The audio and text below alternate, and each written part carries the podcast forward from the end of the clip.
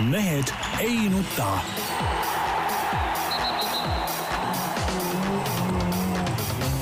mehed ei nuta.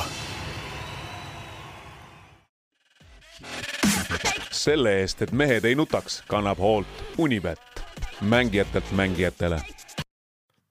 tere teisipäeva, Mehed ei nuta eetris, täiesti uues stuudios, kuigi need kardinad on siin täpselt sama vanad ja sama koledad. sama uued, ma täpsustan. sama, sama tolmused, ära tolmunud ja ja, ja, ja läppad, nagu nad olid seal teises ruumis. jah, aga ruum on suurem, siin on õhku rohkem, nii et äh, samm seegi edasi.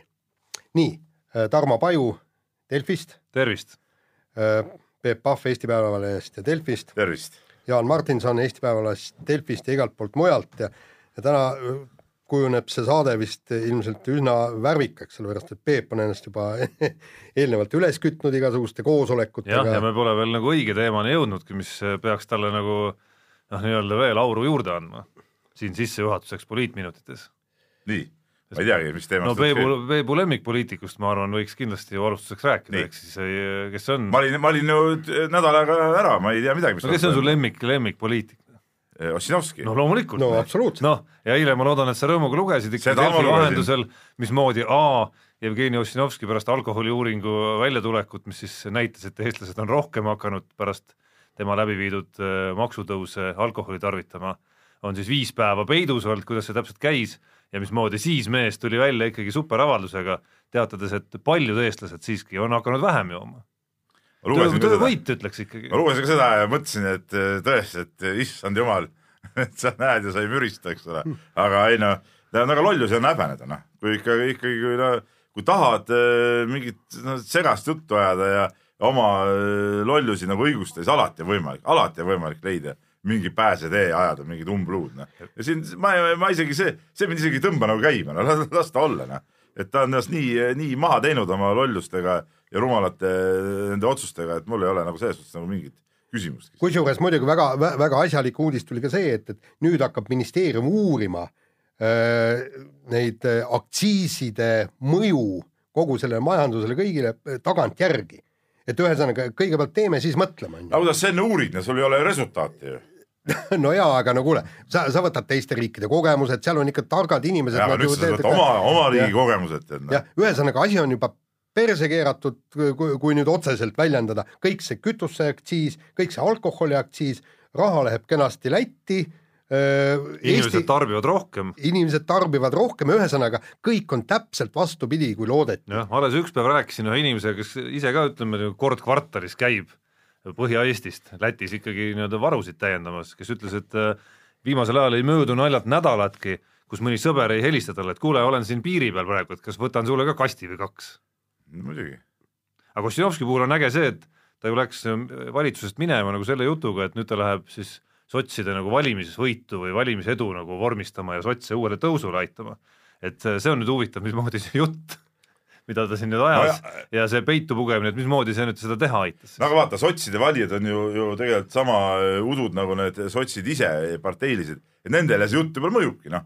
no kuule, suur juht ja liider ütles nii, ju siis nii on. no uuringud näitavad pigem, et nagu no, ei ole nii. no kuule, ega see uuring, uuring on mingisugune paber, no ega see ei ole näitaja. kui Ossinovski nii ütles, siis nii on.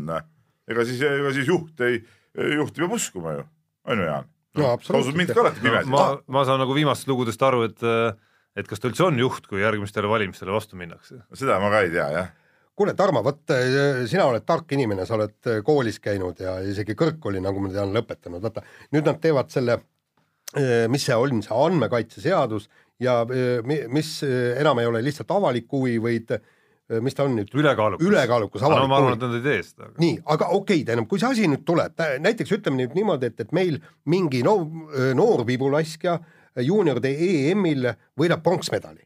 me teame juba ette, et see ei ole ülekaalukas avalik huvi, selle loeb võib-olla tuhat inimest, võib-olla, võib-olla parimal juhul kaks. nüüd sa saadki kõikidele nendele, kes, siis sa saadki kõikidele nendele, kes no läbi aegade on alati mm -hmm. olnud aikido, karate tüüpe ja ma ei tea, mis asju mm -hmm. kõik, šotokanid ja mingid asjad äh, kirjutanud, et miks te meist ei kirjuta, võitsime seitse maailmameistritiitlit.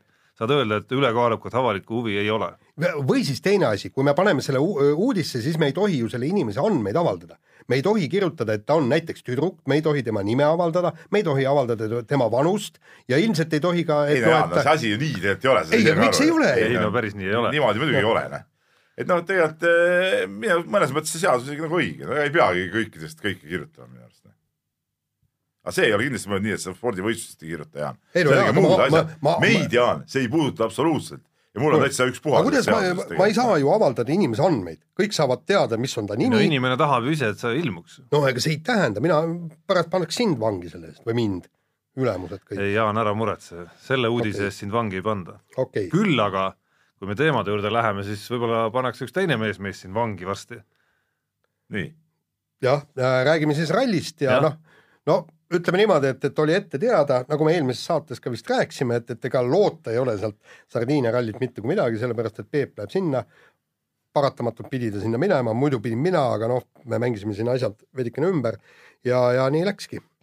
et kuigi jällegi Tänakut ei saa nüüd küll mitte mingil määral Äh, süüdistada kõiges selles, mis juhtus, eriti veel pärast seda eile õhtul tuli siis see video, kus ta lõhkus auto radiaatori ära selle hüppe pealt, no, no kulla inimesed, see, see, see auto ei maandunud nii ninale midagi, et see põhjaplaat oleks pidanud katki minema ja oleks radiaator ära lõhkunud. see, see on ikka selgelt, on Toyota lihtsalt, ta on kehvalt, vähemalt selles öö, osas ehitatud sest, sest no, vaadake, kuidas. see ei ole ju mingi avastus, see oli no,, see oli selge juba ju ka varem ja oli ka peale Portugali rallit, kui sisuliselt sama, sama asi ju lõhkus ära äh, Radik, eks üle kivi sõitmise, jälle see põhjaplaat ei, ei pidanud vastu, eks ole, ja, ja, ja Radikas sealt ka purunes no see, see on nagu nõrk koht selles mõttes. no see tundus natukene erakordsem olukord, siis kaks päris nagu jõhkrat kivimürakat keset teed, on ju. antud juhul ütleme selline nagu sellised hüpped, mis ei olnud ju mingi, mingi imehüpe üldse seal. no tegelikult oli, nagu ta rallis... maandus ikkagi, ta maandus ikkagi suhteliselt halvasti, Jaan, selles suhtes ei saa nüüd öelda.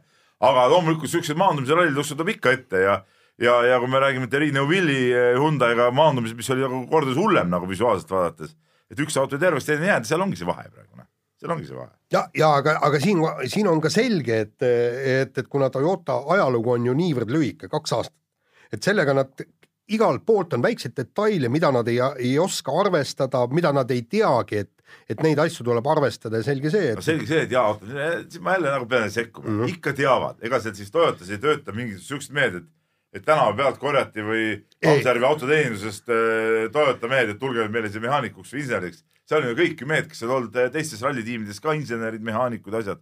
lihtsalt, äh, lihtsalt selle auto juures on nii palju teha et kõike lihtsalt ei jõuta äh, teha, mitte nii, et see tuleb mingi üllatus. ei no oota-oota, Peep, mikspärast nad siis kohe korralikult ei teinud, miks nad peavad seda ümber kohendama, aga küsimus ongi selles, et nad ei jaganud ära, et niisugustel hüpetel ja üle kivi sõites võib, äh, võib see põhjaplaat ära lõhkuda radiaatori. Nad ei tulnudki selle peale. muide, kunagi ammu, äh, kui tuli välja see uus Ford, mida Marko Märtin aitas disainida, Fordil oli ka ajalugu Otti too ja, ja mäletad, see oli, äkki oli see äh, Walesi ralli või kus kohas see oli, et mootor kuumenes üle, üle ja põhimõtteliselt äh, ralli tuli katkestada sellepärast, et neil see äh, esivõrestik oli nõgus ja korjas sinna sisse tee pealt ja, need lehed.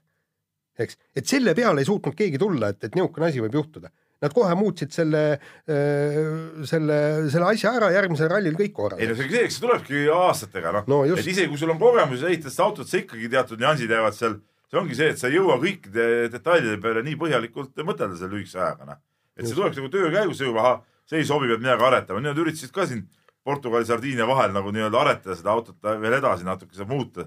ei saanud seda, no ei saanud päris klappima, mõtlesin, et proovivad samaga edasi, läks mm. nässu, eks ole et nüüd on jälle pikem paus, eks nad nüüd üritavad jälle uuesti teha.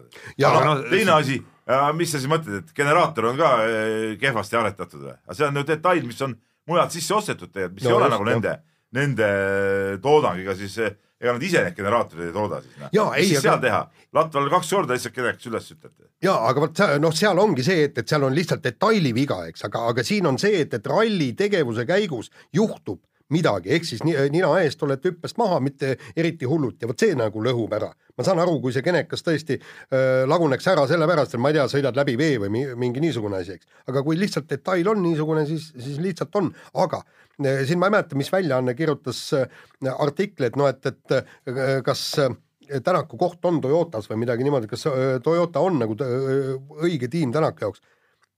punkt üks, Hyundai'sse ta ei saanud ja, ja Hyundai's oleks ta ka kindlalt number kaks olnud, täpselt samamoodi M-spordis oleks ta number kaks olnud, et et, et praegu on tal vähemalt ikkagi Toyotas võimalik seda autot arendada ja ärme vaata selle aasta perspektiivis, vaatame ka järgmist, ülejärgmist. no lihtsalt ta... varasem ajalugu ju teiste tiimide pealt äh, näitab, et ega see nendest mingitest haigust, et ka järgmine aasta on Toyota veel ikkagi värske tiim, mitte ei ole noh, võrreldes konkurentidega selgelt nagu nii-öelda vähem kogenud et see ei pruugi ka nagu veel ühe aastaga üle minna. jah, aga, aga muide, ma samas jälle kõik, kui nad räägivad, et see on uus tiim ja ta-ta-ta, kõik nii, mäletad, Volkswagen tuli. praegu sa ütled, Jaan ja., kas ma õigesti mäletan, et Volkswagen tuli ja kohe võitis? kohe võitis, ma, jah, absoluutselt jah. ja oligi no. nii ja ülekaalukalt võitis. nii et, et tegelikult on võimalik teha aga tööd. Äh, ma küsisin Oti käest seal otse ka selle küsimuse, et noh, et et kas sa ei ole nagu kahetsed seda, et sa tiimi vahetasid, kui sinna siuksed asjad välja tulevad, ta ütles, et et ei, et see kõik see töö, mis seal praegu toimub ja see ongi nagu lahe, noh et, et talle endale pakub see, see vähemalt niimoodi ta väitis, pakub see auto arendamine ja see, kuidas tiim töötab ja kui entusiastlikult kõikide nende asjade probleemidega tegeldakse, pakub talle rahuldust, noh et, et noh, miks siis, miks siis mitte, noh no aga siis äh, jääbki ikkagi lahendada ainult see Peebu personaalküsimus kogu selle loo juures, noh. ega muud midagi, noh. miskipärast sina oled kohal, auto laguneb, noh, mitte, mitte ta ise ei tee vigu, vaid auto laguneb ära, noh. ühe korra, üksteist sadas lund noh. vaata, onju, ja kui nüüd keegi ütleb, et eh, nagu siin, ma, ma pean need kirjad nagu, osad kirjad tooma praegu siia teemasse sisse, mille mõtleb pärast, et uuesti hakata nagu siin nagu ekseldama laiali. et kui siin nagu meil sõber Ants ütleb, et et küsimus ongi selles, et, et kui Tänak nagu mind näeb, et siis tal millegipärast midagi juhtub. no selle vastu ma just ütlesin ka hommikul, et ta ei ole ise no. eksinud, ega siis minu nägemine ei pannud Rootsis lund sadama niimoodi, minu nägemine ei toonud neid kivisid tee peale, minu nägemine ei ei pannud seda autot niimoodi maanduma. ei no aga võib-olla on miski, no autod, nagu me rääkisime hommikul siin ka, on ikkagi sellised tänapäeva autod on nagu noh, tehisintellektid põhimõtteliselt, eks ole, kompuutrid, ajud, kõik on olemas. et tajub sinu kohalolekut kuidagi. Noh. aga Rootsis, kuidas see lumi tuli? no see on natukene, see oli mingi force majeure, noh no niisugust, ma, ma arvan, et niisugust ju, jumalikku äh, hingust Peebus ka nüüd ei ole, et tema kohalolek paneks mingisuguseid ilmastikunähtusi. ja ei no see seletust ei ole jah, kui mõtled, et see, aga see on nagu legendaarne juba, midagi ei ole öelda, et äh, laupäeva hommikul seitse viiskümmend viis olin Peetri Statoili tanklas, ütlen Statoil meelega loomulikult endiselt, ja tuli täiesti võõras mees ligi, astus ligi, kas teie olete Tarmo Paju, ütlesin jah, miks te saatsite Peep Pahvi sinna Sardiiniasse? No ma kõigi rõõmuks või kurbuseks ütlen, et tundub, et ma lähen ka Soome, nii et, nii et tulge kõik kohale, vaadake, kuidas asi tegelikult käib seal, see mõjutamine, kuidas ma hüpnotiseeriva pilguga vaatan seda masinat ja siis see masina aju nagu tunneb seda ja, ja nii juhtub, aga no. seal aga..., seal, kui sama asi peaks juhtuma, siis arvesta lihtsalt sellega, et seal on tuhandeid eestlasi, kes on äh, oma reisiplaanid pannud paika, investeerinud majutusse, laevapiletitesse, äh, ostnud Läti piirilt ilmselt kaasa ka nagu erinevaid aineid vedelikke. maskeeru. et sul lihtsalt, sa pead lihtsalt maskeeruma tõesti, kui midagi juhtub seal. paned sarved pähe, mängid põtra. aga ikkagi see Oti teemal on äh, mõned kirjad ka tulnud ja mitte kirju, vaid palju, paljud küsimused korduvad. aga, aga siin näiteks, näiteks Tamm Tamm toob ikkagi selle ka välja, et äh, noh, ta siin äh, räägib sellest videost ja, ja, ja ütleb, et et kas see auto kiirus on natuke liiga suur, et, et kas ei katkesta mitte enda süül, sest ei võtnud arvesse Toyota vastupidavust antud hüppe jaoks ning antud lõigule sobivat kiirust, küsib no. Tamm meie vana kirjasaatja no. ja tegelikult kui ma Otiga rääkisin, mis, mis siis nagu ütleme nendes olukordades teha saaks, ta ütles, et noh, üks variant on see, et mitte minna niisuguse kiirusega sinna hüppele. et lähebki no. neljanda koha peale sõitma. aga no see ei ole ka nagu õige, nagu, nagu äh, Esa-Pekka Lappi pidurdas enne seda hüpet näiteks äh. no siis oli tema sõidukiirusest ka näha, eks ole. kuule no,, kuule, no sama... jaa, aga lõpp, tänu sellele, et sealt eest kukkusid ära Eh, eh, ta tõusis tänu sellele, et kõigepealt eh, Mikkelsen, Mikkelsen, siis Tänak, siis Latvala, kolm meest kukkusid ära, no tegelikult oli ju kuues. no lihtsalt põhimõtteliselt on minu arust see, et sa ei saa sõita selle arvestusega, siis ei tule sul see lastehaigus välja ka, et ta sul hüppel katki läheb. ei absoluutselt no.. ei no kuulge, mis, mis me räägime, ta on ju kolm, neli korda pani seda hüpet, sellepärast et see oli ju, seesama hüpe oli kirjas ka Shakedownil, eks ja, ja pärast esimest, esimese katse läbimisel mitte midagi juhtunud, eks. ja, ja kus kohas ta nüüd siis on, et ta on seda mitu korda läbi sõitnud, seda hüpet ja nüüd siis järsku viimasel korral, et vot nüüd ma võtan no, hoo maha. ja Ott ise ütles nagu, et vaata, kuna see Neuvill sõitis sinna teda ja maandus sinna väga halvasti, siis ta ütles, et et võib-olla see ikkagi Neuvilli maandumised, need, et Neuvill tekitas maakerasse väikse augu, et see nagu mõjutas, et see võiski sealt olla mm. -hmm. et see maapind tõesti oli sealt ja, ja äh, Martin Järve arvas, et need aeglasemad autod tekitasid seal jälle mingit siukest nõgusust. Et, äh, et see oligi, et ja sel hetkel nõgus oligi suurem ja siis läkski põhjaga sinna sisse nagu sealt august välja tulles nagu, et, et aga noh, ütleme no, mingid detailid, mida me palja silmaga siin ei näegi. ja, ja aga ma ütleks nii, et äh, isegi kui äh, jutt käib praegu juba sellest, et ütleme, kaks tuhat kaheksateist ei ole Oti aasta, vaid kaks tuhat üheksateist on näiteks, siis äh, see kaks tuhat üheksateist ei ole kindlasti Oti aasta, kui ta sel aastal otsustab nüüd kuidagi nagu kruiisima hakata ja sõitma neljanda või kolmanda koha peal, et noh, ta peabki täiega panema ja võib-olla ilmneb veel mingisugune takistus, mis mis kaks tuhat üheksateist teda võib-olla tagasi hoiaks, kui sellega ei tegelda. no Tänak ütles otse välja, hooaja teises pooles oli eesmärk võita kõik rallid. nii et vaata, siin kruiisima hakkab, see ei ole nagu, see ei ole nagu tema moodi üldse, et siin mingi kruiisimisega tegeleda muidugi, räägime paar sõna ka sellest, et ülipõnev võitlus oli, mille Neuvill võitis siis äh, null koma seitsme sekundiga Sebastian Ogier ees ja, ja asi pandi paika viimase katsega, tegelikult no viimase päevaga neli kõik katset äh, Neuvill kihutas ikka väga võimsalt ja ja hurraa ja aplaus muidugi selle, selle peale, aga mm, äh, no vot, seal nüüd ongi seesama jutt, ma eile huvi pärast vaatasin natukene ajalugu ja selgub, et et läbi nende viie aasta, kui Ogier on tulnud maailmameistriks, on ta tegelikult olnud kaotusseisus ainult kolm korda.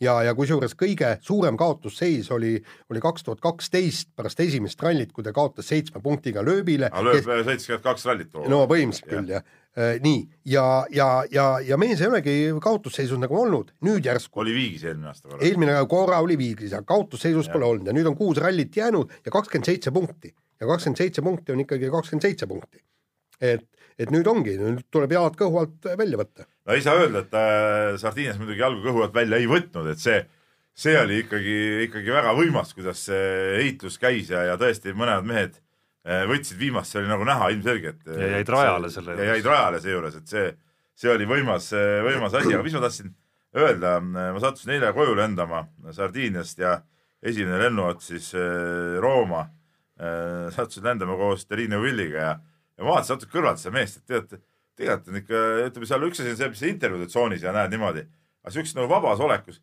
tundus päris lahe tüüp sihuke olevat. Ja esiteks ta nagu no oli seal mingi seltskonnaga, seal oli veel paar noh, Hyundai äh, tiimi mingit venda, eks ole, väga lõbusalt seal suhtlesid, elavalt rääkisid kõigiga, siis mugis seal äh, lennuki peale mineku järjekorras, käis ostis võileiba, mugis nende võileiba, kes tahtis pilti teha, tegi pilti nendega, isegi lennukis seal äh, istus maha kusjuures kolmes rea keskmes kõige eba, ebamugavamas istmes istus millegipärast ja mingit business class'i ega midagi, siis eh, tema ees istus reas mingi mees tõusis püsti, küsis, kas tohib pilti teha. jah, tegi selfisid, värke, et sihuke väga, väga sihuke kuidagi nagu vahetu, vahetu inimene tundus, et seal, seal intervjuude tsoonis, kus me temaga näeme, seal ta noh, okei okay,, seal eh, ta räägib ka normaalselt ja on, aga, aga seal nagu see inimlik pool võib-olla ei paista nii palju välja, aga seal eile, eile ta paistis küll, nagu jättis mulle nagu, nagu väga siukse toreda mulje nagu nii, aga nüüd järgmise rallini on üle kuu aja aega, et äh, hoiame pöialt, et Toyota korralikult korda tehakse ja ja siis läheb taas andmiseks, aga lähme siis järgmise osa juurde, kiire vahemängu juurde ja ja räägime samuti rallist, et Rally Estonia korraldajad loodavad raja äärde tuua kolmkümmend viis tuhat inimest. ja, ja kui ma kuulsin Urmo Aava käest seda, seda numbrit, siis äh, siis oli ohoo küll, et, et kas tõesti nii palju, noh, mahub ära kindlasti Otepää ümbruse ja Lõuna-Eesti metsade vahele, aga, aga see plaan on ikkagi päris kõva. no küsimus on, kas seda loetakse nüüd kahe päeva peale kokku ehk siis liidetakse omavahel esimese päeva külalised ja teise päeva külalised, et vist nii loetakse seda päriselt, et siis see nagu nii ulme ei tundugi. no ikkagi, kui sa, kui sa palju mõtled, muidugi ja enamasti nad on ilmselt samad inimesed. Otepää MK-l on parimatel aastatel vist viisteist, kakskümmend tuhat, kakskümmend viis tuhat olnud, ma ei tea, kas on nii palju olnud, aga aga, aga et kolmkümmend viis tuhat tuua, et, et see on, see on kõva plaan, aga mis mulle muidugi meeldib, et inimestel on mõtlemisvõimet, et nad äh, tõesti, meil ei pakuta ju vene publikule ühtegi nagu nii-öelda spordivõistlust. ma lähen isegi vaatama äh, seda kontserti loomulikult, sa Tarmo vaata siukest nägu, sa ei tea, kes see ongi. tean ikka. aga seal väga, väga head laulud on seal tead näe. lauludest ma suurt ei tea, aga visuaale olen näinud. ja visuaal on, ütleme ka, Nitševo, ütleme, vanal mehel võtab südame põksuma tead, eks ole, et, et tuleb võtta, ta laulab küll Tartu Lauluväljakul, eks ole, et ma pean mul elamine on pandud äh, Otepääle, et tuleb sõita Tartusse vaatama, no ikka programmist ikka osa saada. aga kusjuures väga, väga õige mõte, et, et siin tulebki laia publikut tuua ja, ja ma arvan, et Lätist tuleb ka venekeelset publikut selle peale kindlasti rohkem kohale kui muidu.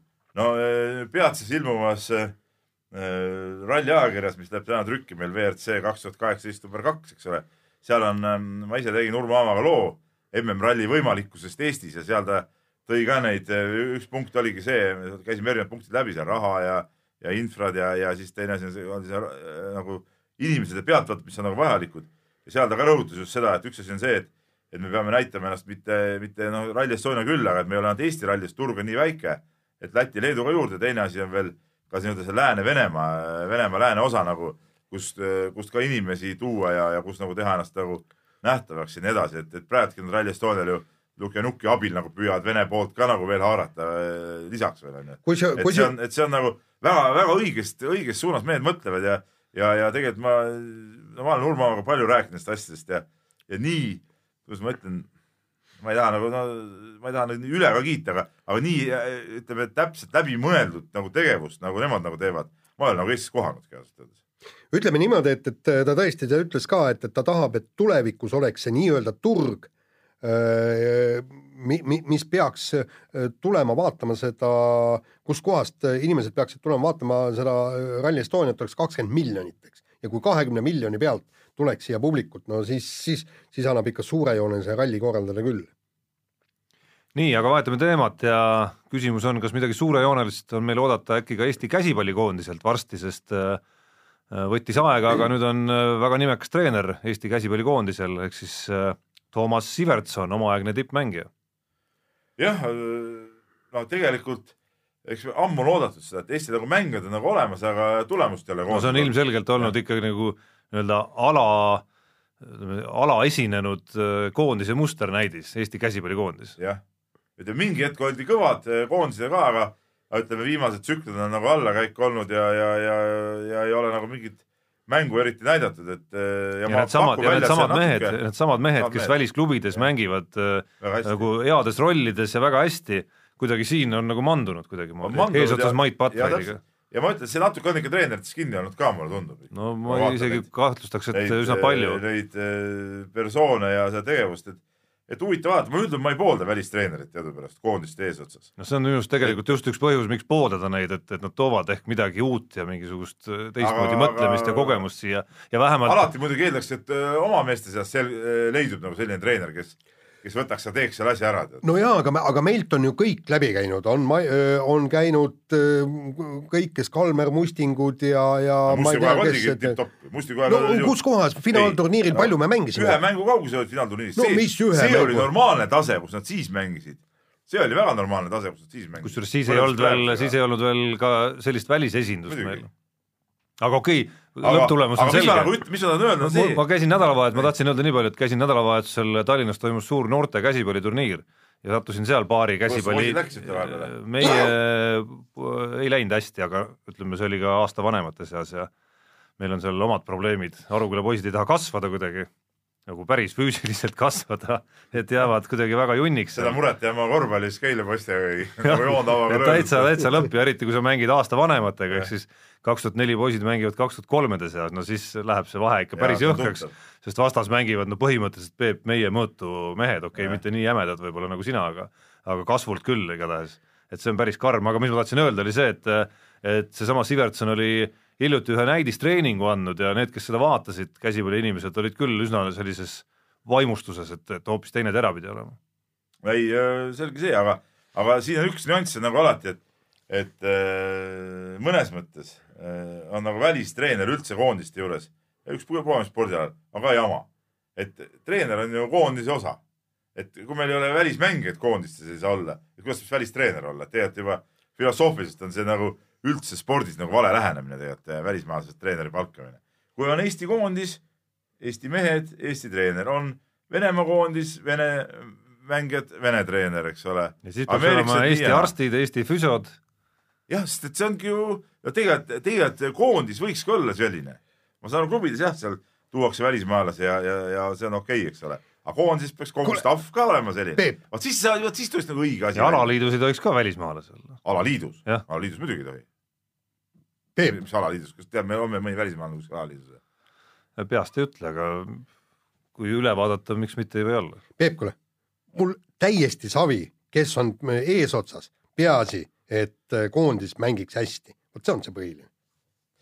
nii, aga äh, lähme edasi ja ja mingi uudis on mul jäänud ilmselt kahe silma vahele siin äh, välismaal olles, aga, aga teema on pandud püsti nii, et kas M-spordi boss Marko Wilson paneb kunagi talle omistatud Maarjamaa risti rinde ja vastus on, et ta teeb seda vaid siis, kui Ott Tänak tema meeskonda naaseb. kas ta kuskil ütles seda või? ja ta, ta, ta ütles, temaga oli intervjuu ja siis seda ta ütles, ütles välja ja, ja me- tegelikult see orden ordeniks.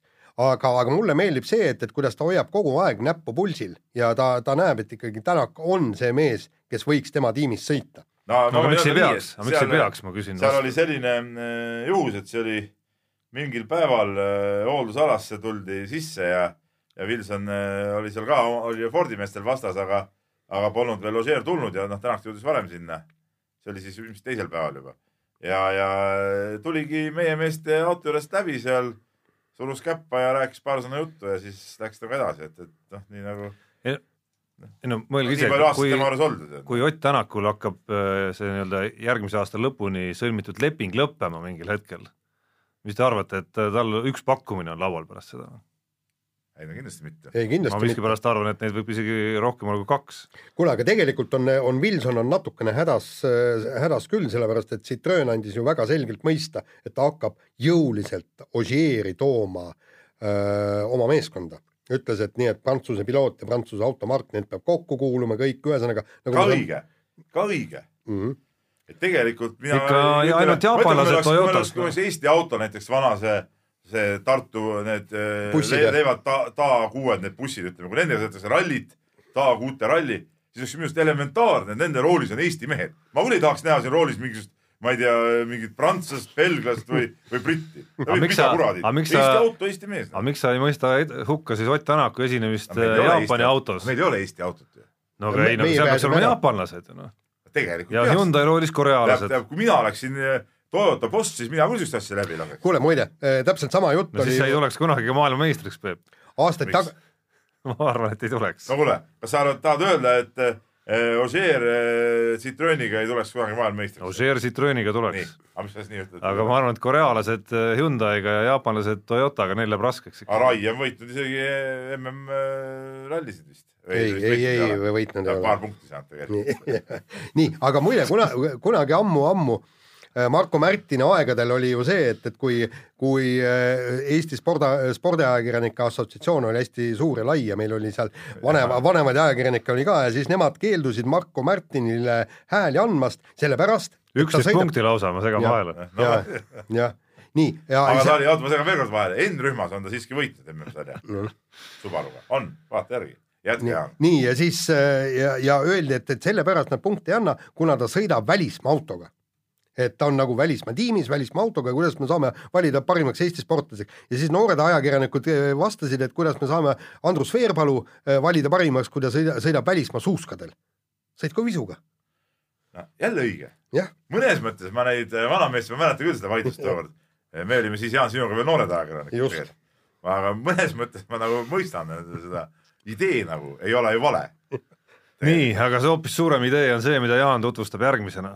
nii, Karol Mets, meie kuulus jalgpallur äh,, andis intervjuu kuhugi äkki ETV-le või, või kuskil, kuskil kanalis ja, ja arvas, et Eesti jalgpallikoondis võiks kaheksa aasta pärast äh, MM-ile jõuda. ütles, et mitte nelja aasta pärast ehk, aga kaheksa aasta pärast. täiesti nõus, mina usun ka seda, sellepärast et see on selge, et jalgpall läheb seda teed, et iga mm võistkondi arvu suurendatakse, praegu vist nelikümmend, ei, ei, praegu on kolmkümmend kaks. järgmine tuleb- nelikümmend kaheksa, ülejärgmine kord sada kaheksa ja umbes kuna Eesti ongi seal kuskil saja piiri peal, siis me saame ka osaleda. noh, ongi kõik korras ju. Jah. Te ei usu sellest siis või? kuna jalgpallis on ju mindud idiootide teed täiesti ju, kus kõik osalevad, mingid öö, valiksõel on olematu. mitte nii nagu vanasti, kus EM-il sai kaheksa satsi, vaata kui huvitav siis oli, eks ole, et noh. Nüüd on ju kõik saavad mängida, kes tahavad. no me, loomulikult lõpuks me osaleme seal finaalturniiril, võib-olla ma arvan, et no varsti kõik päris ei saa, ma ütlen hetkeseisuga isegi Hollandi-sugune jääb välja. noh. ja, ja no ega varsti me saavad kõik, eks ole, aga eh, varsti ongi niimoodi, et seal finaal, neid eh, valiturniire ei korraldatagi, kuna see kõik ongi üks finaalturniir, see kestab läbi nelja aasta. Nagu play-off'is hakkad pihta. ja, lõpeb seal finaaliga ja, ja selles suhtes hästi, Karol Mets, usun sinusse ja sinu koondistusse. Aga veel rohkem usub Peep kindlasti Ja, ise äh, järgmisse mehesse, ehk siis äh, seda teemat ei saanud kuidagi välja jätta tänasest ma oleks ise saatest. siia toonud nagu sisse, see oli hea sisse. Äh, Stanley karikas on selgunud ja Aleksandr Ovetškin, kuigi ta ei ole su üks, number üks lemmik, Ilja Kovaltšuk. ja, aga Ilja Kovatšuk pani oma Instagrami, mida me spordiga jälgime, pani Brat, pani Ovetškini. ehk siis Ovetškin tuli Stanley karika võitjaks lõpuks. jah, ei see oligi tore, vaadake, kui kaua mees on tegelikult olnud oma klubile truu, ütleme, nad, nad on jõudnud vist korra varem olid finaali jõudnud, kui ma õieti mäletan. tihtipeale on seal vara välja langetud ja kõik need kas tal ei olnud ükskord ikkagi üks mingi või see Kovaltšukil või? see nii-öelda truudusetuse hetk ka või see oli Kovaltšukil? Kovatšuk on vahetanud Atlantast läks. ei, ei mingi suur skandaal oli kümmekond aastat tagasi, seal mingi lepingu ümber. ei, Ei, siis- see oli oli leping, Kovaltšuk, ja, ja, ja see oligi see New Jersey värk. aga, aga Ovetškin on Jah, tõesti. terve karjäär, ja terve karjäär, ei no alustas Moskva Dünamos ja nii kui läks NHL-i ja Washingtonis olnud ja, ja nüüd sai teenitud palga ja olgem ausad, tema kaliibriga mees, et on ikkagi supermängija, midagi ei ole öelda ju. oli seal ära teeninud ja, ja see tema emotsioon, ma ei tea, kas seda videot ei näinud seal, kuidas, et üle board'i tuli see peast kinni, et kurat, et nüüd on käes, eks ole, tead noh, see oli ikka vägev, tead noh, ja kusjuures väga vägev tead. väidetavalt ikka pidutsemised olid kestnud ka ikkagi No, ma arvan, et kestavad siiski veel, ma arvaks. ma arvan, et kestavad siiamaani jah. põhiline see, et ta peo käigus seda hammast, mis tal ära käib, nagu ära ei kaotaks, et oleks midagi sinna ilusate pilti tegemist nagu tagasi lükatud, et noh. joomingu käigus võib kõike juhtuda. ja no ma usun, et tal on neid võib-olla mitu ikka. aga võib-olla mitte. varuks. tasku täis. nagu läätsed, vaata nagu läätsesid peavad olema alati ikka üks varu, varu aga, olemas. aga selles suhtes see ja, ja, ja üks asi veel, mis mulle meeldis Washingtoni võit, jõle tobe oleks olnud, kui see Vegase sats Esimesel aastal esimesel kohe. aastal kohe võidab ära, noh. see oleks nagu totter olnud nagu, see nagu oleks nagu devalveerinud kuidagi seda, kogu seda asja, tead noh. okei okay,, ma saan aru, seal pandi kokku hea sats, seal eh, Ameerika mingite imereeglite järgi said nad ju kokku panna endale väga kõva võistkonna, aga ikkagi oleks seda tobe nagu kuidagi. jah, Ovetškin on kõva. Ovetškin on väga-väga kõva. kui Peep ja Kirja. kirja ja, ja lähme siin üks väga huvitav kiri on ja, ja, me natuke enne saadet seda, seda arutasime ja, ja Kalle Kaljula, tuntud ka, mis ta need hüüdnimed olid nüüd Ekspressi lugu see, Kalle, noh, okei okay.. otsime välja Kirja Kalle ajal., tore mees, palju kirjutab meile ja tervitame teda siitpoolt. kirjutab nii, tervitus Oti Needus, see on siis mina, euronoor ehk siis Tarmo ja Jaan, noh Jaan on tavaline mees, talle pandi tavaline nimi.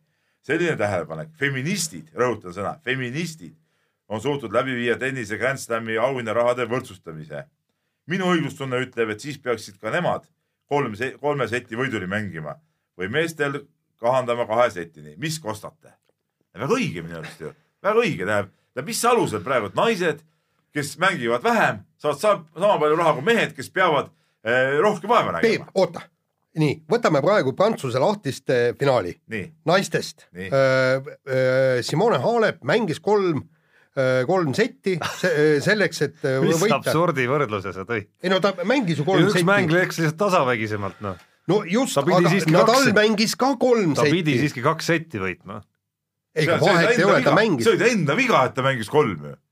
see oli ta enda viga ju. Peep, kas me siis sa hakkame nüüd, saad ju, Jaan ise ka aru, et see on ju totrus, et naised saavad Ei sama, sama palju. Kuule, aga mis kuna me- ta on vähem, vähem mänginud. kuule, aga mis me siis hakkame, muide näiteks selles, selles vormel ühes minu teada need nii-öelda telereklaami rahade arvestamisel vaadatakse eh, seda aega, kui kaua on eh, auto olnud pildis, telepildis, et kas me hakkame ka, et, et noh, nagu tunni eh, või minuti palga alusel. no sa saad, Jaan, ju isegi aru, et kui summa, summeerida kõik need minutid, siis kindlasti on mehed rohkem pildis. ei, absoluutselt, aga sest siis mängud teemegi ikkagi keskmiselt on pikemad. ja, ja absoluutselt nõus, aga teemegi siis minuti, minuti palk ja ka- niikaua, kui sa väljakul viibid, nii palju pappi saad. ei no see see on ka jama, aga no tervikuna ikkagi, kuna meeste sport ongi nagu kõvem, siis mehed peavadki rohkem raha saama ja kui need naised tahavad meestega võrdselt saada ja feministid ju kogu aeg räägivad, et eh, mehed ja naised on võrdsed, eks ole, et mingit sugudevahelist nõrgemat, tugevamat eh, poolt või sugu ei ole olemas. palun mängige meeste turniiril, kõik üks turniir, ei ole meeste-naiste turniir eraldi, kõik üks turniir, mängime. Ja vaatame, palju sa auhinnaraha saate, noh, milles asi on siis? noh, Tarmo, sa ei ütlegi midagi. Ei, ei, jaa, ikka, ikka, ikka, ei, mõtle feministide ei, kaitseks ei ikka, ikka. nii, aga, aga küll ma tegelikult ütlen seda, et, et need meeste viiesetised mängud võiks ikkagi ära jätta ja minu meelest aitaks ka, et, et et, et kolmest parem oleks täiesti, täiesti õigustatult kaks seti huvitav, võitu. et siin nagu Peep juba ei karju, ütleme siis. siin ma ei karju, sest minu arust ka need et, et see peaks olema ju nagu püha traditsioon ei, ikkagi. Selles ole- suhtes ta on püha traditsioon, ta on Grand Slamidel on ju viiesed, eks Jah.. et, et ta on Peep peaks pigem võitlema selle eest, et US Openil ka keelatakse ära kiire lõppmäng viiendas setis. nojah, aga mõnikord need mängud lähevad nagu liiga pikaks tõesti, noh. ja, ja tegelikult ma tunnistan ausalt, no ma ei ole nii suur tennisefänn ka, no ma ei viitsi mingi neli tundi vaadata, mingid kaks meest toksivad, noh, mis seal vaadata. ja, ja, ja kusjuures selles mõttes, selles mõttes on, et ma noh, ma ei saa öelda, et ma olen suur tennise fänn, aga ma ikkagi vaatan võimalusel poolfinaale, finaale, vägevaid lahinguid ja tõesti, sul, sul hakkab ühel hetkel oma ajast äh, kahju, et, et sa ei jäta, kui, kui ta läheb neljandasse, läheb viiendasse setti, sa ei jäta seda mängu ära, aga sul on tõesti, sa pärast oled viis tundi vaadanud seda tennist ja sul on ajast kahju noh, Viis no samad dilemmad on, ma ei tea, jalgrattasõiduga näiteks no.. no keegi ei vaata, Ülekanne- vaadanud sõitu algusest ülekanne ei peale. kesta sul kaks ei tundi no.., va- vaata, seal on jalgrattasõit, ma saan, ma võin rahulikult kõrvalt raamatut lugeda, silmanurgast vaadata, mis seal to- toimub. seal ei ole ka tennises ja vaata viimast siis, kui näed, et nüüd tead, nüüd tuleb see tõus näiteks, nüüd ma hakkan vaatama, siis mina näiteks täpselt. töö juures tihti vaatan nii, ma tean, et Tour de France'il täna mäe, mägietapp, vaatan ära nii mängi, alguses mängivad, alguses sõidavad teatud aja seal sileda päeva peal, no siin pole midagi vaadata, eks ole. nüüd tuleb see tõus, nüüd ma hakkan vaatama või lõputõus, nüüd ma vaatan seda lõputõusu, sest nagunii kõik mängitakse paika seal ju noh. no ja siis, siis vaatan, mis värk on, tead noh, et see, see on nagu teine asi natuke ja keegi ei vaata, ma usun, et siuksed inimesed üldse olemas on, kes istuvad maha jalgrattasõitu ja vaatavad etappi esimesest meetrist viimaseni ja siuksed, teate näiteid vist niimoodi, Prantsusmaal ja on Itaalias näitavad jah. On ikka neid inimesi. mida sa seal vaatad? no ei no mis- minu, mina ei vaata. Aga tennist ma olen küll vaadanud nelja-viietunnist tennisematši ma olen küll vaadanud algusest lõpuni. ei no me kõik oleme vaadanud igast asju.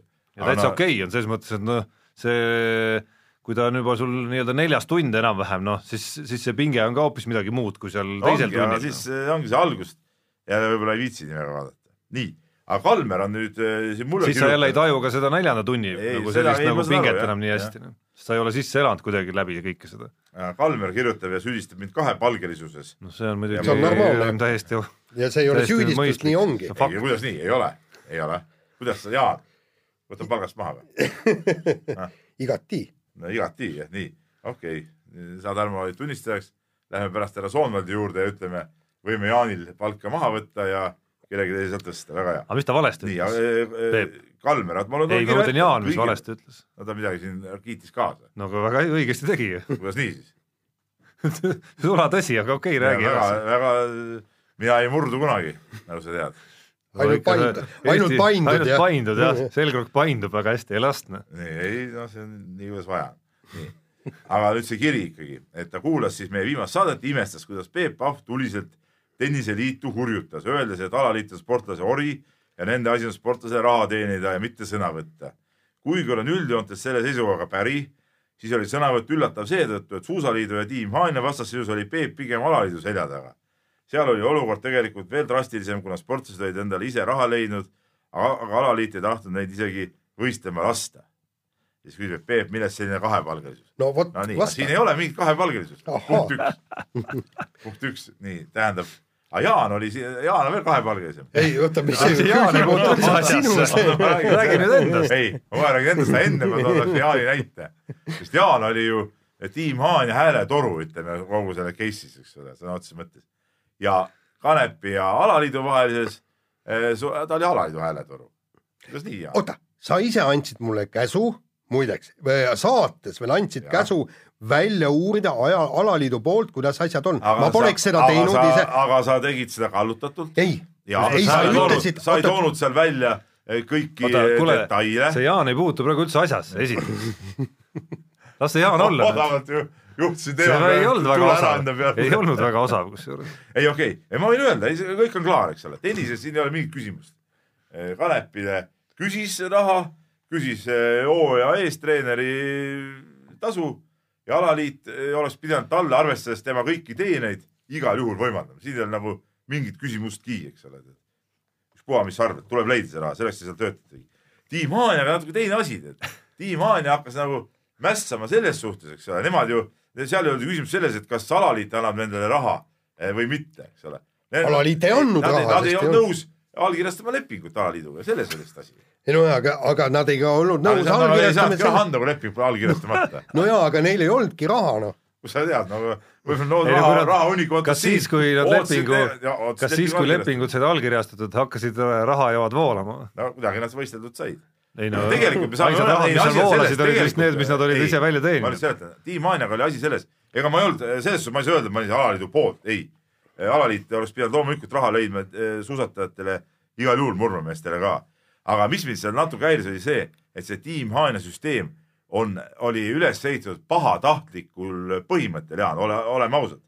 pahatahtlikul põhimõttel õõnestamaks suusaliidu tegevust ja see oli asi, mis, eh, mis mulle selle Äh, värgi juures ei meeldinud, seal oli, meelega olid raha äh, suunatud äh, niimoodi, et see ei läheks mingil juhul alaliitu, ütleme, ja, ja oli teatud inimeste poolt, kes olid alaliidust välja tõrjutud, oli siis nagu tehtud nagu sihuke alternatiivne süsteem nagu ja see raha läks nagu sinna, et see oli natuke sihuke nagu, nagu, nagu pahatahtlikult tehtud ja see, see mulle ei meeldinud, aga tervikuna ma ütleks, et ma olin seal suusaliidu poolt ja suusatajate vastu kindlasti, ma olin igal juhul suusatajate poolt nii, kuule, aga paneme nüüd sa saate käes, aitab nüüd äh, kirjadest ja räägime äh, kergejõustikust ja odaviskest ja Magnus Kirt, meie kuulus odaviskaja, siis parandas veelgi rekordit ja kusjuures ta tegi seda Soomes ja tegi äh, noh, nii-öelda päris suurel võistlusel, kaksteist tuhat inimest oli seda vaatamas ja, ja täpselt kaksteist kraadi oli ka väljas sooja, hea et sooja, mitte külma, eks, ja kaheksakümmend kaheksa, seitsekümmend kolm viskas ja kogu see kuulus Saksa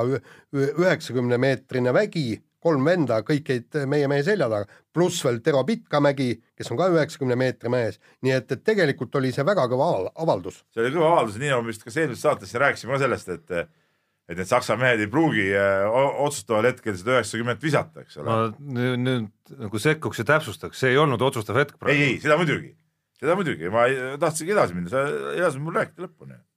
nii, et ei pruugi visata, see oli ehe näide sellest, et tuleb ette võistlusi kus nad ei saa ennast klappima ja sama asi võib juhtuda ka EM-il täitsa vabalt, mingit küsimust ei ole. küll aga jälle Kirt ikkagi jätkuvalt ei sea ennast EM-il nagu äh, medali soosikuks, nagu ma aru sain. noh, kas peaks teised, teisalt? noh, natuke võiks ju no Erki Nool selles olukorras. Küll, et ma olen võitma, ma olen võitma. no, no seal on nüüd kaks asja, kas sa ütled, ütled, et sa lähed võitma või sa räägid juba ette, et oi, ma olen siin medalisoosik, noh, need on kaks erinevat juttu natuke ja mõtlemisviisi siiski. Erki Nool nagu ma ei mäleta, et ta oleks nagu väga palju rääkinud siin sellest, et äh, ma olen soosik number üks, et ta pigem rääkis just seda, et ta läheb võitma, isegi siis, kui oli selge, et et, et, et vorm ei ole enam päris see, nagu Ateena olümpial näiteks, siis isegi siis rääkis, et läheb võitma. jaa, aga samas näiteks äh, niisuguses sõnastuses, et tegelikult äh, selle tulemuse pealt ma olen kaks korda, kaks korda nii hästi äh, visanud, et kõikide asjaolude kokkulangemisel on mul võimalus EM-ilt võita medal. absoluutselt no,, ja tõenäosus on hetkel väga suur, vaadates neid tulemusi, et see viiemeheline seltskond, kolm sakslast, Tšehh ja tema, et ütleme, kolm medalit jagatakse nende vahel, aga see on tõenäosus ainult. no seal võib alati ikka keegi nagu absoluutselt, odaviskes eriti, sest seal mehi, kes võivad, ma ei tea, kaheksakümmend kuus-seitse meetrit visata ja millest võib medaliks piisata suurvõistlusel vabalt. nii on. Nii, aga äh, räägime ka sõnakese kümnevõistlusest, Johannes Erm hüppas USA-s kümnevõistluse äh, sees kaugust seitse üheksakümmend kaheksa ja läheb siis äh, sellel alal EM-ile sellega on EM-i norm täis ja, ja tegelikult noh, ütleme niimoodi, et, et keegi võiks lõpuks meil taaskord kaheksa meetri piiri kaugushüppes ületada, et, et me oleme ikkagi selle siinpool kaheksat, kaheksa meetri joont oleme karanud siin küll ja veel, et, et aitab ehk küll. siiani oligi Erki Nool, kes hüppas kaheksa või? viimane oli tema, jah. Ja. samas jäi nagu väike okas hinge ikkagi, et Erm sai vigastada selle võistluse lõpus ja, ja., ja sealt jäi tegelikult sündimata selline kaheksa tuhande kahesajane tulemus mis oleks no äh, ta päris kaheksa tuhande kahesaja no ta ikka oli üsna seal. aga, aga enam-vähem jah, jah. et, et see EM-ile minemise latt oleks võinud ikkagi nagu veel kõrgemale saada ja, ja mis on igal juhul nagu äge, on see, et need kaks nii-öelda noort talenti, kes meil on, Tilga ja Erm, eks, on nüüd äh, hooaja esimeste võistlustega näidanud ikkagi väga selget arengut nüüd meesteklassis ka, et et see on nagu väga äge, kuhu see meie kümnevõistlus suundub praegu. ja, ja te, tegelikult nagu selgub, et Janek Õiglasel, kes nüüd läheb vist äh, Talansi see nädalavahetus Rattingenis. just, või Rattingenis on tema jah, sügisel just jah, ja, ja seal, seal on tal vaja nüüd praegu selleks, et EM-ile pääseda, kolmandana on praegu ka, Karel Tilga on kaheksa tuhat ükssada üks, eks ju. jah, kes on öelnud, et kui ta üle tehakse, siis ta ei välista, et ta läheb ja, veel võistlema korra. no see, no aga tegelikult see Saluri kaheksa tuhat ükssada kolmkümmend seitse, see ei ole ka eriti mingi, mingi noh, nagu ületamatu Tartu lait vähemalt õiglase jaoks. ei kindlasti mitte, aga samas noh, me keegi no täpselt ei tea või noh, keegi kindlasti teab, treener ise ja õiglane ise võib-olla, mis seisus ta täpselt on, et äh, tal oli siin vigastuse probleem, miks ta nagu ka Kötsise ära jättis, eks ole, aga noh, ei see huvitav, väga huvitav vaadata seda, mismoodi see võistlus arenema hakkab.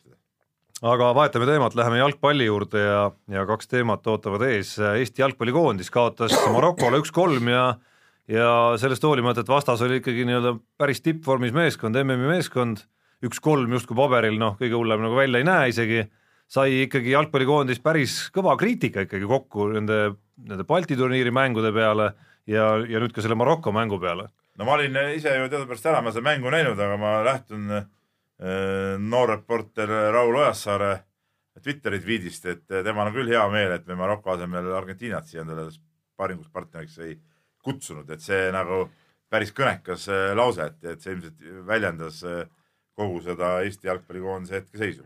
kusjuures tegelikult no Maroko ei tohiks olla nii meeletult üle sellest Eesti jalgpallikoondisest. no nagu ikka see... Maroko peaks ei, olema ei. väga selgelt, Jaan, üle meie jalgpallikoondisest. kuule, kui me räägime, kuule, kui me räägime sellest, et me, me, me sihime EM-finaalturniire, värke-särke, siis aga seal oli kohe täielik tasemevahe. Ja, ja ma ei mäleta, keegi, keegi tõi, kas meie leht või mõni teine leht tõi, tõi seal väga mitu punkti välja, üks oli ju see, et, näiteks meie tsenderdused absoluutselt, no ühesõnaga pekstakse palli täpselt sinna, kuhu juhtub, juhtub. söödumäng absoluutselt ei toimi. Ja siis tulevad Maroko vennad on ju, eks, ja, ja, ja mängivad nagu kulda.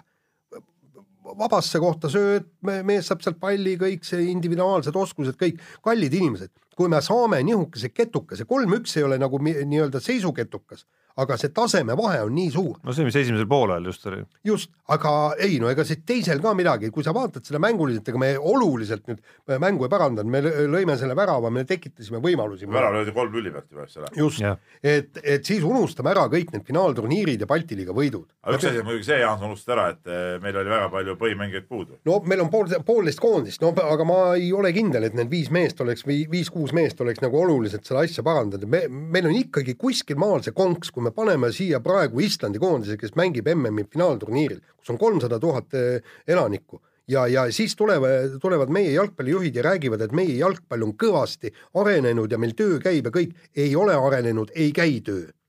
võrreldes Islandiga. töö ilmselt käib, aga no, töö resultaadita. resultaadita, võrreldes Islandiga, just. hetkel küll, aga siit on hea sujuvalt minna no, jalgpalli MM-i juurde. kes vedab MM-i, on siin küsimus pandud, jah? kas ma tean no ma tean ka, et sa ütled Argentiina ja tema ütleb Inglismaa ja, ja, no, ja siis võime teema jälle lõppenuks lugeda no,. ei, ei, ei, ei, ma ei ütle Inglismaa. kusjuures see, kusjuures, kusjuures, kusjuures seekord no. just, seekord just erinevalt kõikidest eelmistest kordadest, mis sa oled selles saates seda öelnud, võiks isegi Inglismaad mainida natukene. ei, no ma, ma sest sellekordne, sest seekordne Ingli-. seal pole Roonit enam ja midagi. ja Alan Shearerit ka ei ole, selge see, ja David Seamanit. ja, ja, ja siukest ma ei tahagi näha, siukest Inglismaad täitsa mingi tundmatu mäng. küll aga on Harry Kane näiteks. mis Kane, mis see Kane, ei, ei tegelikult ma, ma olen täna seekord ikkagi Peebu parteis, et, et mis parteis, Argentiina parteis? Argentiina just jah, Argentiina parteis, Argentiina peaks lõpuks selle ära võtma, ta on, ta on ju jube hea sats, et, et just seesama äh, vana Argentiina, ega ta, eks ta no, mulle meeldis. nii hea sats on, ilma Messita oleks nad praegu MM-ist välja jäänud. seda küll, aga vaata, see ongi niimoodi, kui seitsekümmend kaheksa vedas Mario Kempes, oli selge liider tulid maailmameistriks, eks ole. kaheksakümmend kuus oli Maradona, vedas, eks ole, tulid maailmameistriks. Messi ei ole vedanud maailmameistriks, noh. peab vedama, noh. muidu, kuskil... muidu ta ei ole pooltki nii kõva mees, kui olid Maradona ja Kempes, noh. ei no ta hetkeseisuga pole, tundub, et ei ole nii kõva kui Cristiano Ronaldo isegi, kes on vähemalt EM-il Portugali e esimeseks nagu, see on nagu tühiasi, eks ole. aga ei, siin on me räägime praegu MM-ist, et ja, ei, kui ta on... tahab olla sama kõva mees Argentiina jalgpallis, kui olid Kempes ja Maradona, siis ta peab viima selle meeskonna maailmameistriks, väga lihtne. jah, aga miskipärast ei ole seda seni juhtunud ja seni on kuidagi väga nagu õnnetult läinud tal, nii õnnetult, et vahepeal mees oli juba nagu suure vihahooga lahkumas Argentiina koondisest ja lahkuski justkui, aga noh, õnneks see jäi üsna lühikeseks lahkumiseks. aga ütleme niimoodi jah, et, et noh, ma ei, Brasiilia. ei päris intrigeeriv seis on, olgem ausad. No kuigi, kuigi eesotsas on muidugi jälle need vanad tuttavad kõik, eks ole, Brasiilia, Saksamaa, Hispaania, eks kõik, kõik on seal eesotsas loomulikult kohe soosikute eesotsas, aga aga ma ei tea, satse, keda nagu võiks vähemalt unes näha, et nad võiksid maailmameistriks tulla, on päris palju ikkagi. aga jälle ma vaatan seda äh, nagu MM-eelset olukorda ja mõtlen, et pole enam selliseid staare nagu vanasti. kuidas ei ole no.? no kuule, vanasti olid ikka ikkagi. Messi ja Cristiano Ronaldo on kuidagi väikesed staarid. Kulunud mehed juba tead noh, aga ütleme tervikuna no,. Neimar. kuidagi nagu väheks jäänud. Neimar on no, väike staar kuidagi. võta Saksamaa koondis, noh, kuule, pole enam Klooset, pole Podolskit, eks ole kelle poolt sa enam oled siis tead noh no see aga noh, Saksamaa on samas ka meeskond, kes no. polegi kunagi nagu väga staaridele olnud no jaa, aga no nad olid ju, nemad olid mingil ajal rohkem, aga ei, ei, mingil ajal küll, aga no aga, aga Klose oligi see, kelle pärast Saksamaa poolt üldse olla omal ajal, eks ole, tead noh. et selles suhtes okei okay,, nad said oma tiitli kätte, kadusid kõik ära, praegu Saksamaa on tea pooli mängijatki enam. aga see võib olla sinu viga ei ongi. et sa ei jälgi võib-olla nii palju lihtsalt. no jaa, minu silmis nagu ei olegi enam aga eelkõige Saksa, aga noh, teisalt Saksamaa ongi meeskond, kes ongi nagu nii-öelda see Mannschaft, eks ole no,. masin nii-öelda no,. No, no. seal pole vahet, kas sul on mingi nimeks on seal ma ei tea, Klose või, või võtame Prantsusmaa koondist, ei ole Zidani äh, väärilist mängijat seal ju noh no Prantsusmaal ei ole nagu sa lähed allgi ju seal tead näe. no Prantsusmaal on nimesid ju küll, seda ei, no, nagu üksikut individuaaltalenti on ikka päris metsikult. Platini, Tigana ja Zidani väärseid mänge on, ei ole ju, nalja teed või? ma ei välistaks. nagu jalgpallijumalad omal ajal. ma ei välistaks, et mõnigi neist võib saada selleks oh,. No, Mbappe näiteks. no mis need, no see on mingi, mingi suvaline mingi vend. see ei ole suvaline vend. Platini ja Tiganaga näiteks kaheksakümmend neli EM-il, no EM-il, no see, seal need ju mehed ju olid ju kuningad ju tead noh, et seal ei ole, vot selles ongi see asi. eks nad olid ka mingil hetkel. tänapäeva jalgpall on läinud nii laiali, et, et ei ole siukseid ikka nii eredaid Äh, tegelasi. eks nad Peep ka mingil hetkel, kõik need nimed olid ka noored mängumehed, kes no. alles hakkasid staariks saama. ei tea, nad tulid ja panid kohe. et selles suhtes või noh, ja Itaaliat nagu üldse ei ole, eks ole, noh äh,. Itaalia koondis, noh, Buffon, Buffon pole MM-il, siis polegi nagu MM-i olemas. et noh, selles suhtes noh, on, on nagu jama, Maldinit või siukseid vendi, noh enam ei mängi muidugi, aga ma ütlen, noh, omal ajal olid ikka need staarid olid ikka nagu suuremad kui praegu. praegu tahavad siukseid ilumehed, no võta see, võta Neimar, noh. no mingi värvitud peaga, mingid juuksed seal sorakil, sada protsenti Jeesus, mingi pael ümber pea käib ringi, no mis, mis no. see ei ole ju tõsi. mis see sinu suur iidol Diego Maradona siis on? no Maradona oli. no, no vaata oli..., kuidas ta välja näeb. no aga no ta, ta mängis nagu jumal see teine asi, see on hoopis teine asi, teine aeg ja, ja teine asi. no see on ikka siuke jõhker, siuke muru jutt ausalt öeldes. see oli vägevam, no Jaan, no ütle nüüd noh. oli vägevam ja teine asi oli ikkagi see, et toona kas mängis kuusteist satsi või kakskümmend neli satsi, aga nüüd on tõesti see asi liiga laiaks löödud ja me ühel päeval ikkagi vaatasime seda, seda noh, nagu mängude kalendrit ja no ausalt no, noh, nagu see polegi huvitavaid mänge. no absoluutselt jah, tõesti, no mind, mind ei sul kohtusid kas MM-i teisel päeval, kui ma ei eksi?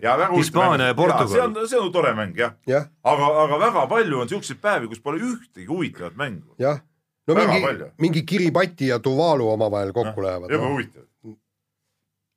mitut Saudi Araabia mängijat sa tead? et sealt ei tea küll ühtegi no,. hakkab tulema aga äh, ma ei välistaks siiski. isegi Venemaa koondisel pole õiget staari, vanasti oli aga... Äh, Rinat Tassajevid ja, ja, ja vennad seal kõik, eks ole. aga hoolimata sellest, Peep, pean ma väga tõenäoliseks, et äh, leian ennast selle Saudi Araabia mängu ajal jälle telekas. no seda ma vaatan lihtsalt, see on sümboolne hooaja avamäng, eks, või MM-i avamäng, aga seal järgmistel päevadel no ma ei näe nagu küll eriti, et ma näiteks, võib-olla järgmine mäng ongi alles see eh, Portugal ja Hispaania, mis ma vaatan, ma arvan, vahepeal ma küll ei vaata midagi, mis sa vaatad kuule, aga aeg sunnib takka ja nüüd räägime korvpallist ja ja, ja tegelikult noh, ütleme niimoodi, et, et see uudis oli ikkagi minu jaoks pahviks lööv, on see, et, et korvpalli pealinn Tartu, mina pean seda raudselt korvpalli pealinnaks ja, ja nüüd selgub, et kullame meist... aegadest. kullame aegadest, tegelikult oli ju niimoodi, et oli olemas Tartu Kalev ja oli TTÜ korvpallinaiskond, eks. Nii, ja, ja see Tartu Kalev mängis liidukaid ja siis toodi Kar-, Tartu Kalev mängima Tallinna Kalevi eh, spordihalli. nii. saali pärast põhimõtteliselt. saali pärast ja siis lõpuks äh, täiesti noh, ühesõnaga niimoodi rööviti veel nimi ka ja tehti siis Tallinna Kalev sellest. et see on tegelikult, see on Tartu on nii-öelda meie võrk, korvpallikants ja nüüd siis selgub, et mingi lastevõistkonnaga hakkavad mängima öö, Eesti tšempionaati kust see lastevõistkonna jutt on nagu tulnud.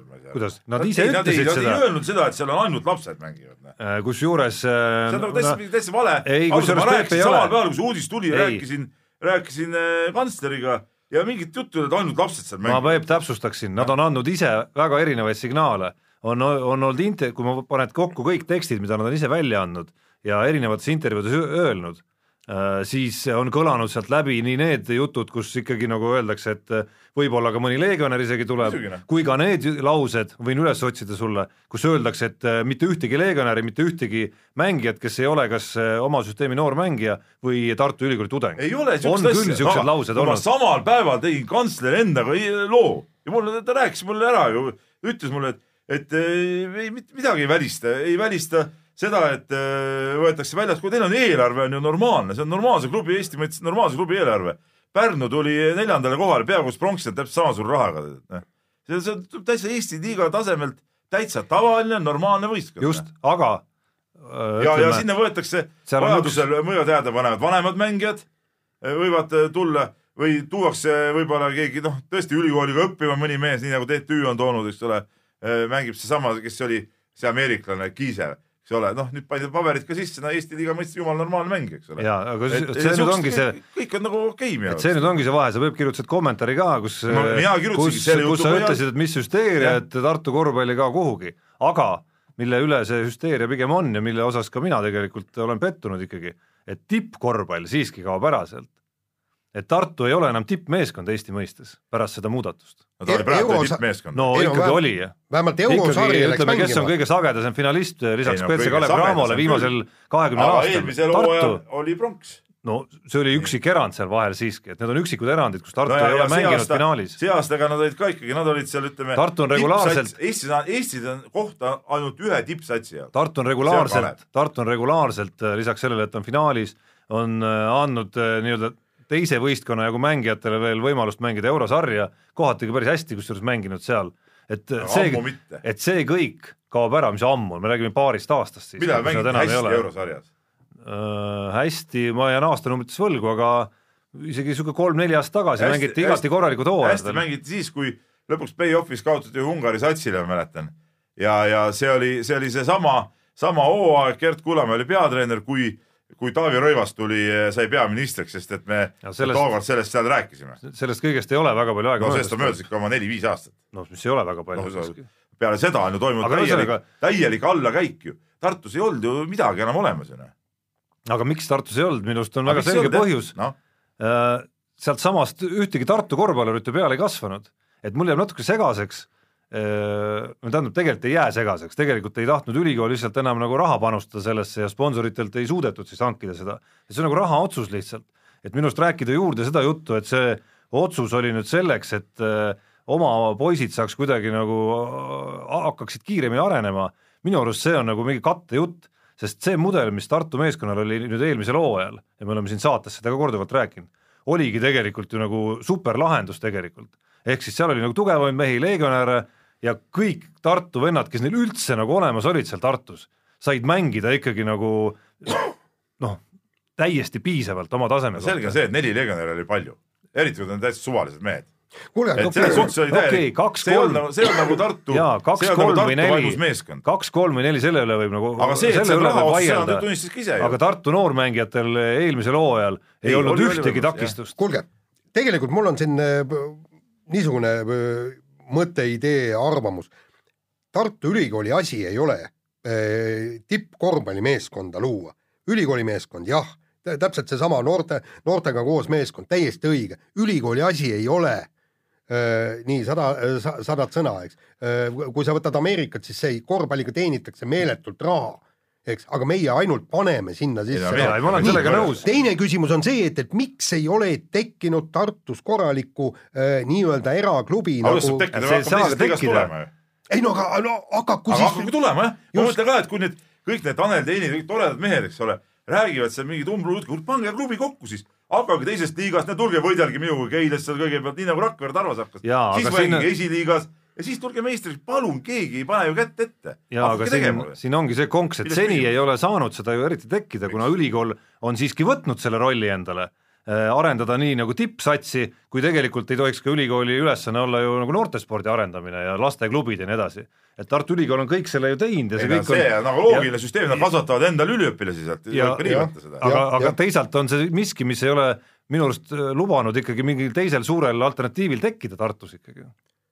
Sest ülikool on selle nagu, ta on head tööd teinud tegelikult selles osas, noh nii selle tipu osas väikse Tartu linna kohta kui ka selles osas, kuidas on kasvatatud see noortesüsteem. Aga, aga, aga minu arust nagu hakata nagu rääkima seda, et et, et, et nüüd eh, need mehed on kõik seal süüdi ja, ja niimoodi, jah, ma võib-olla tõesti nad on võib-olla kehvasti sponsor teemasid ajanud, aga öelda, et et eh, no see lubamatu oli siuke otsus ja mingi fännidega, mis, mis jutt see mingi fännidega ei räägitud läbi, mida sa fännidega läbi räägid?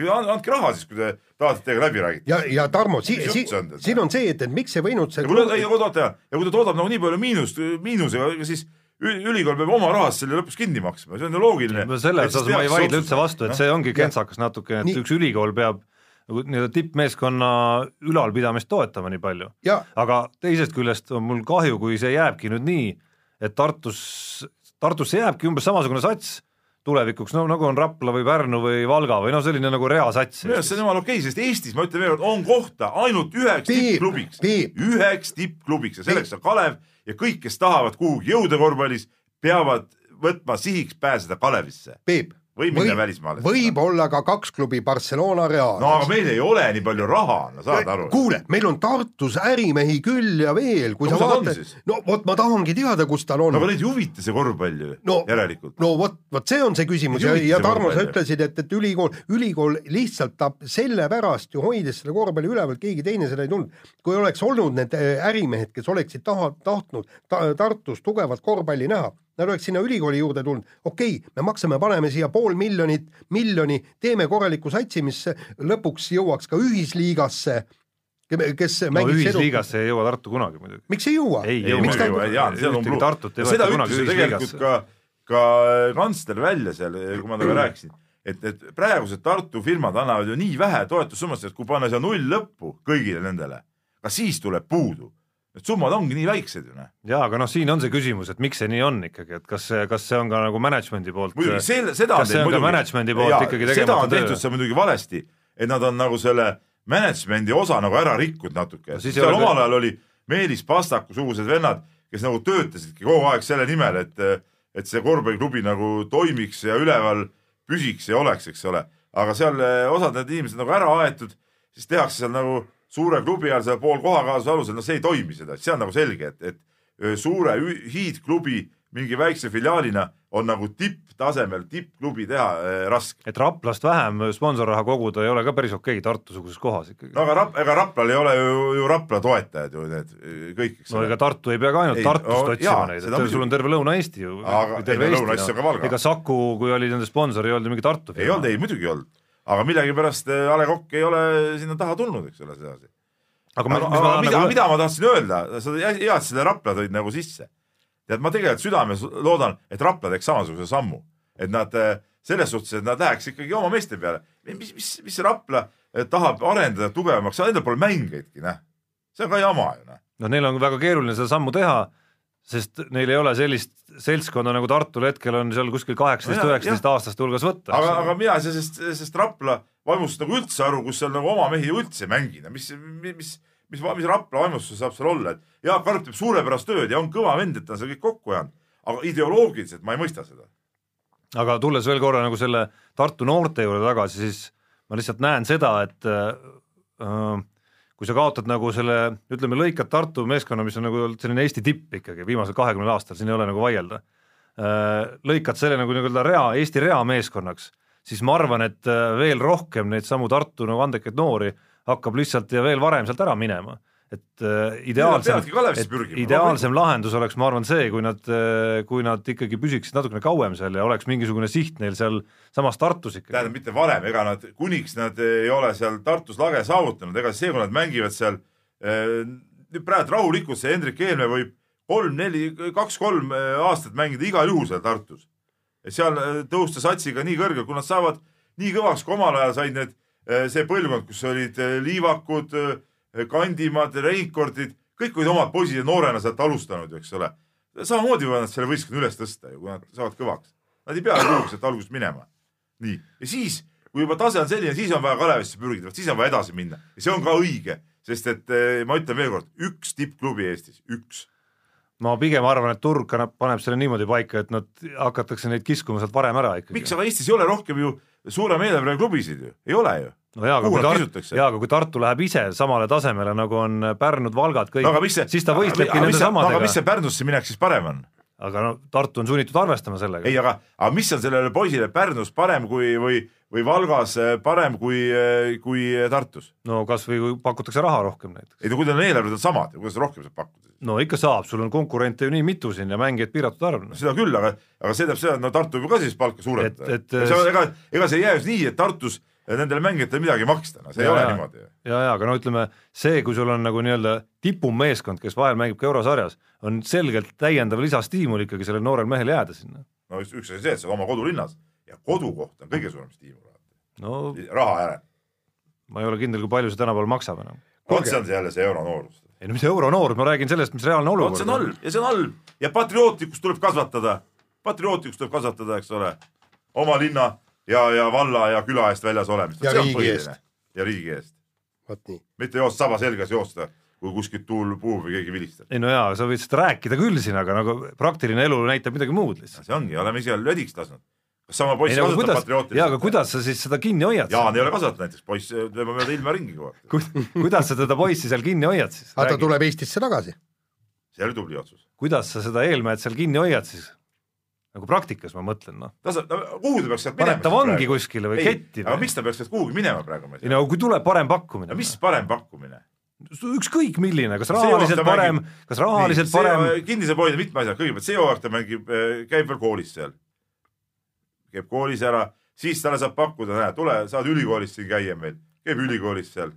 see on ju väga hea stiimul. no kui see ei ole tema jaoks stiimul näiteks, ülikool no,. kui ei ole, siis ja ta arvab, et ta tase on nii kõva, et äh, minna, siis no tuleb minna, ega siis midagi teha pole. tulevad uued alt peale. Noh. kuule, proovime mitte rekordsaadet äh, teha. tuli ära juba. kuule, tuli ära jah, noh, selge. ühesõnaga, ma loodan, et teie nautisite, meie igal juhul nautisime seda jutuajamist täiega, kuulake meid nädala pärast, olge kõvad. mehed ei nuta.